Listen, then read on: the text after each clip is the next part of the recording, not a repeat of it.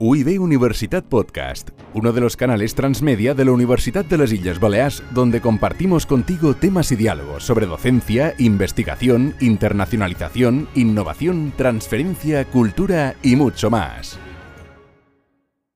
La segona experiència molt l'explicarà la professora Catalina Pons del Departament de Dret Privat i té com a títol Avantatges i inconvenients de l'aplicació de la pedagogia inversa en els estudis de grau de dret. Gràcies. Bé, bon dia a tots. L'avantatge de parlar després de Santiago Cabanillas és que hi ha moltes de les qüestions que jo volia plantejar que ells ja les avançades impartim els mateixos ensenyaments, el mateix grau i per tant hi haurà moltes de qüestions més o menys comunes en les que ell hagi exposat. Sí que vos he de comentar que eh, la tècnica de l'ensenyament eh, invers, de l'aprenentatge actiu dels alumnes, jo no l'aplico en el 100%. Vull dir, jo no l'aplico de manera pura com el plantejament que mos ha fet ell. Jo més aviat funciono en projectes distints que anem organitzant cada any i en aquests projectes sí que és el protagonisme pràcticament absolut dels alumnes. Però jo amb aquesta qüestió som, no sé si clàssica o romàntica, però a mi me segueix agradant molt la figura del professor. Jo crec que el professor és una figura clau. Aquests dos dies tot el temps han sentit parlar a tots i per tot que els alumnes són els protagonistes de l'aprenentatge. És cert, els alumnes són els protagonistes de l'aprenentatge, perquè nosaltres ens devem els alumnes i nosaltres som aquí pels nostres alumnes. Però el professor és clau en aquest recorregut. Per tant, eh, jo eh, continuo pensant que la nostra funció de guia, de tutorització, de seguiment i d'organització d'alguna manera, de marcar la línia en els nostres alumnes, és bàsica. Jo, les primeres sessions de classe, eh, els dedic a fer el que s'anomena classe magistral entre cometes, és a dir, duc jo la classe des del començament fins al final. Entre altres coses perquè començam una assignatura no tenim eh, encara eh, el coneixement, els alumnes i jo, uns dels altres, no sabem com funcionam, i malgrat que ells tenen tot el que seria la eh, informació i els continguts de les assignatures, costa una mica l'engranatge. Jo sempre els plantejo a partir de la tercera setmana de classe que aquí ja començarem la participació activa a dins les nostres sessions. Però sempre comença les classes amb uns primers 10 minuts, quart d'hora, depenent de la matèria del dia, allà on jo els faig una introducció amb una sèrie de reflexions per després fer una pràctica a continuació del que hem estat parlant aquest dia i que ells prèviament ja havien de dur llegit des de casa seva. És la manera com jo funciono a les classes i dedica't 5 minuts finals de cada una de les classes a fer a la pissarra un recopilatori de conclusions o de valoració de la feina que hem estat fent aquell dia a dins la classe. Això sí, les meves eh, classes no són de jo xerrar i ells escoltar, sinó que contínuament els estic plantejant. I què passaria si això? I a les seves respostes eh, immediatament, bé, però mira, això funcionaria en aquest cas, però te poso un exemple allà on no funcionaria. Per què això sí, per què això no?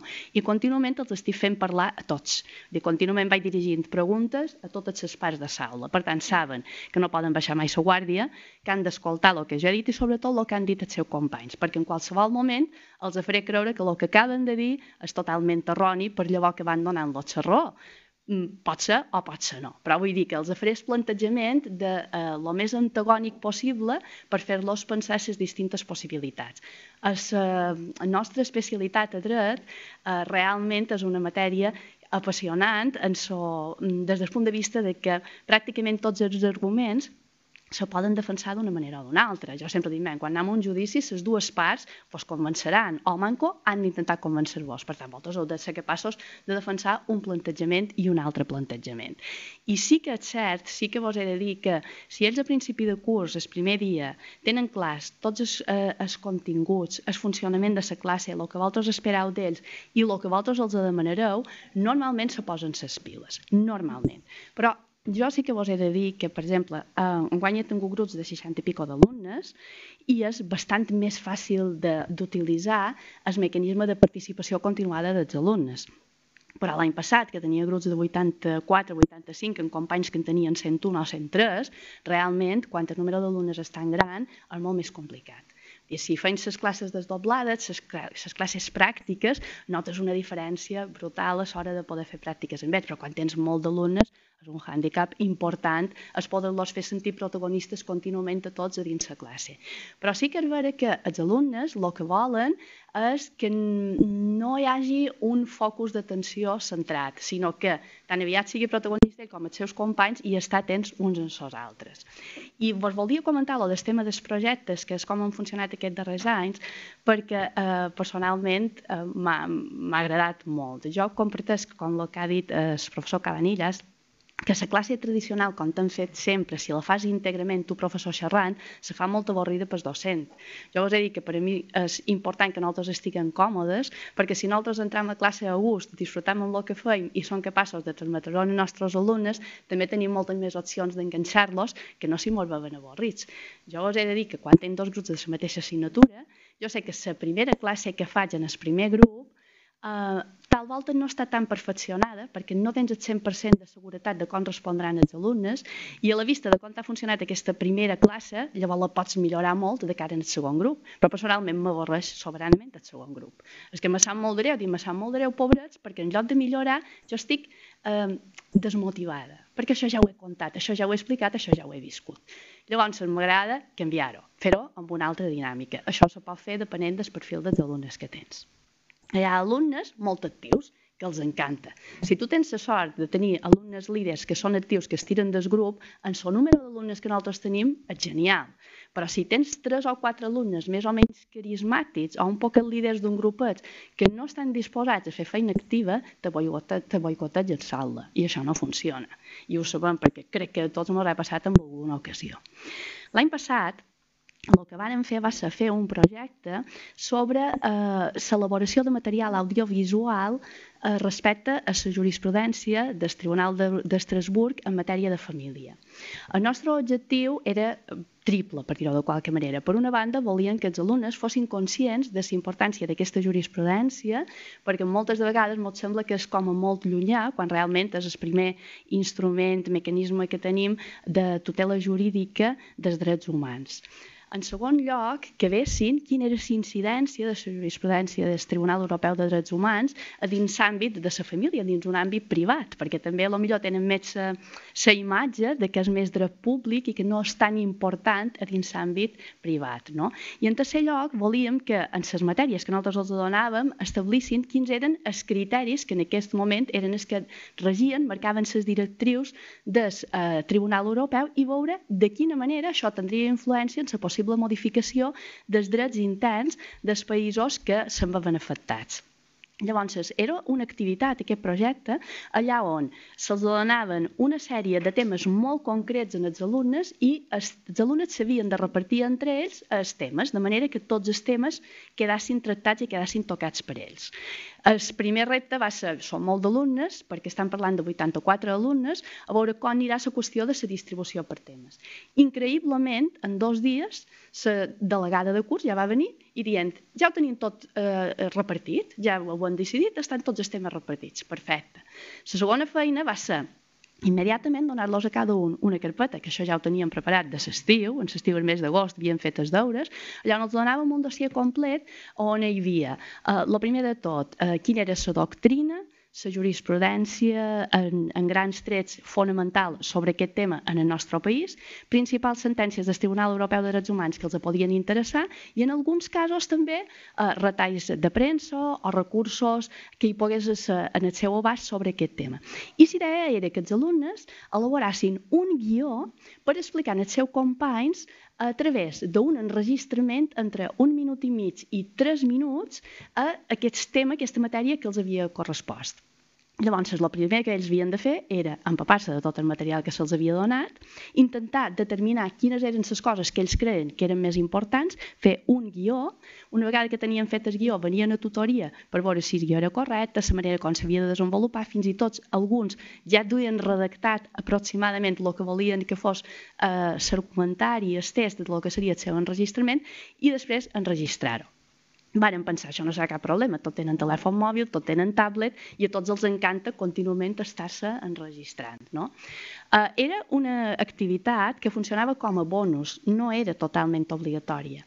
Vos ho dic perquè dels 84 alumnes, pensant en que això era una feina extra i que el primer dia de classe, quan ho varen veure, estava posat ja a seguir docent, es varen queixar una mica, finalment n'hi va haver 54 dels 84 alumnes que el varen lliurar.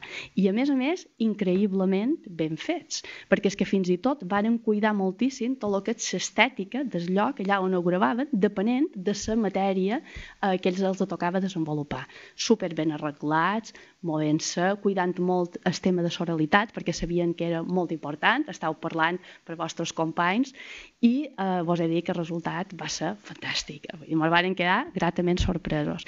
I ells estaven encantadíssims. Jo crec que és la vegada en la vida que més clar els ha, els ha quedat no només la matèria que van elaborar cada un, que evidentment estaven empapadíssims perquè és la millor manera que vosaltres teniu per transmetre per aprendre, perdó, és haver d'ensenyar un altre, sinó també perquè per la curiositat de veure què havien fet els seus companys, els enganxava molt. Varen eh, veure una vegada i una altra vídeos perquè els agradava, els agradava veure el que havia fet l'altre, com ho havia fet, de quina manera ho havia enfocat, i a més a més llavors ens varen dir que, tot i que inicialment era una feina que havien de fer individualment en dos, s'havien anat juntant per grups per veure de quina manera havien de fer per no trepitjar-se continguts uns en els altres, i també per donar-se idees, perquè eh, hi havia la delegada de curs que era una senyora més major, mamà, que ja feia feina amb alumnes de secundària, amb els seus fills i tal, i els va dir, vinga, jo ara aquí vos organitzaré, venim un dia tal, i ella ho va organitzar d'una meravella, que vull dir que això, com a profe, va ser una sort arra, tenir la delegada que va agafar les riendes i que li va encantar el tema, però el projecte va sortir molt bé. Uh, van passar després una enquesta de satisfacció als alumnes per veure què els havia semblat, i el 82% dels alumnes va dir que els havia resultat satisfactori o molt satisfactori, i que recomanaven que continuàs aquest tipus de projectes perquè realment havia estat una manera de ja al final de l'assignatura aprendre i demostrar als altres el que havien après, no? i els va agradar molt. Enguany, per això que vos dit d'anar canviant, eh, em deixam la qüestió de, del material audiovisual i estan fent un, un projecte que funciona a través de la premsa. Els professors de la Facultat de Dret, un mecanisme o un utensil, un instrument que utilitzam molt, és acudint als mitjans de comunicació social. I la premsa se fa molt de ressò de moltes de qüestions que ens afecten directament a nosaltres. Llavors, enguany els nostres alumnes el que fan és una recerca de eh, notícies que estan directament relacionades amb la temàtica que nosaltres treballem veiem dins classe.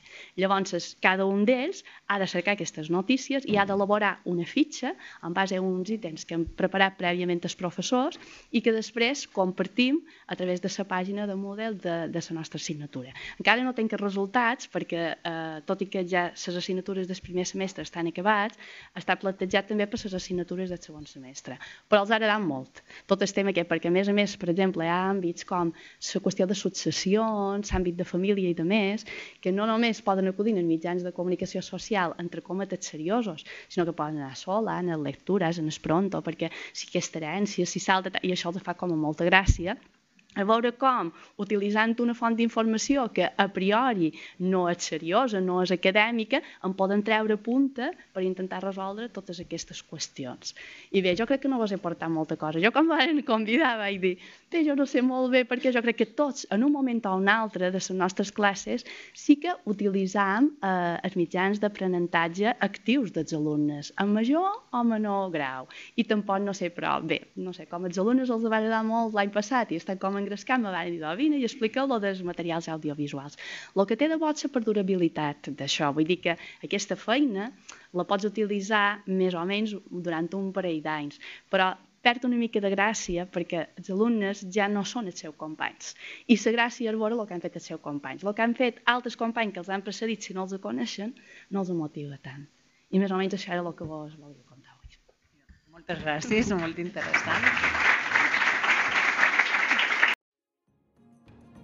UIB Universitat Podcast, un dels canals transmèdia de la Universitat de les Illes Balears on compartim amb tu temes i diàlegs sobre docència, investigació, internacionalització, innovació, transferència, cultura i molt més.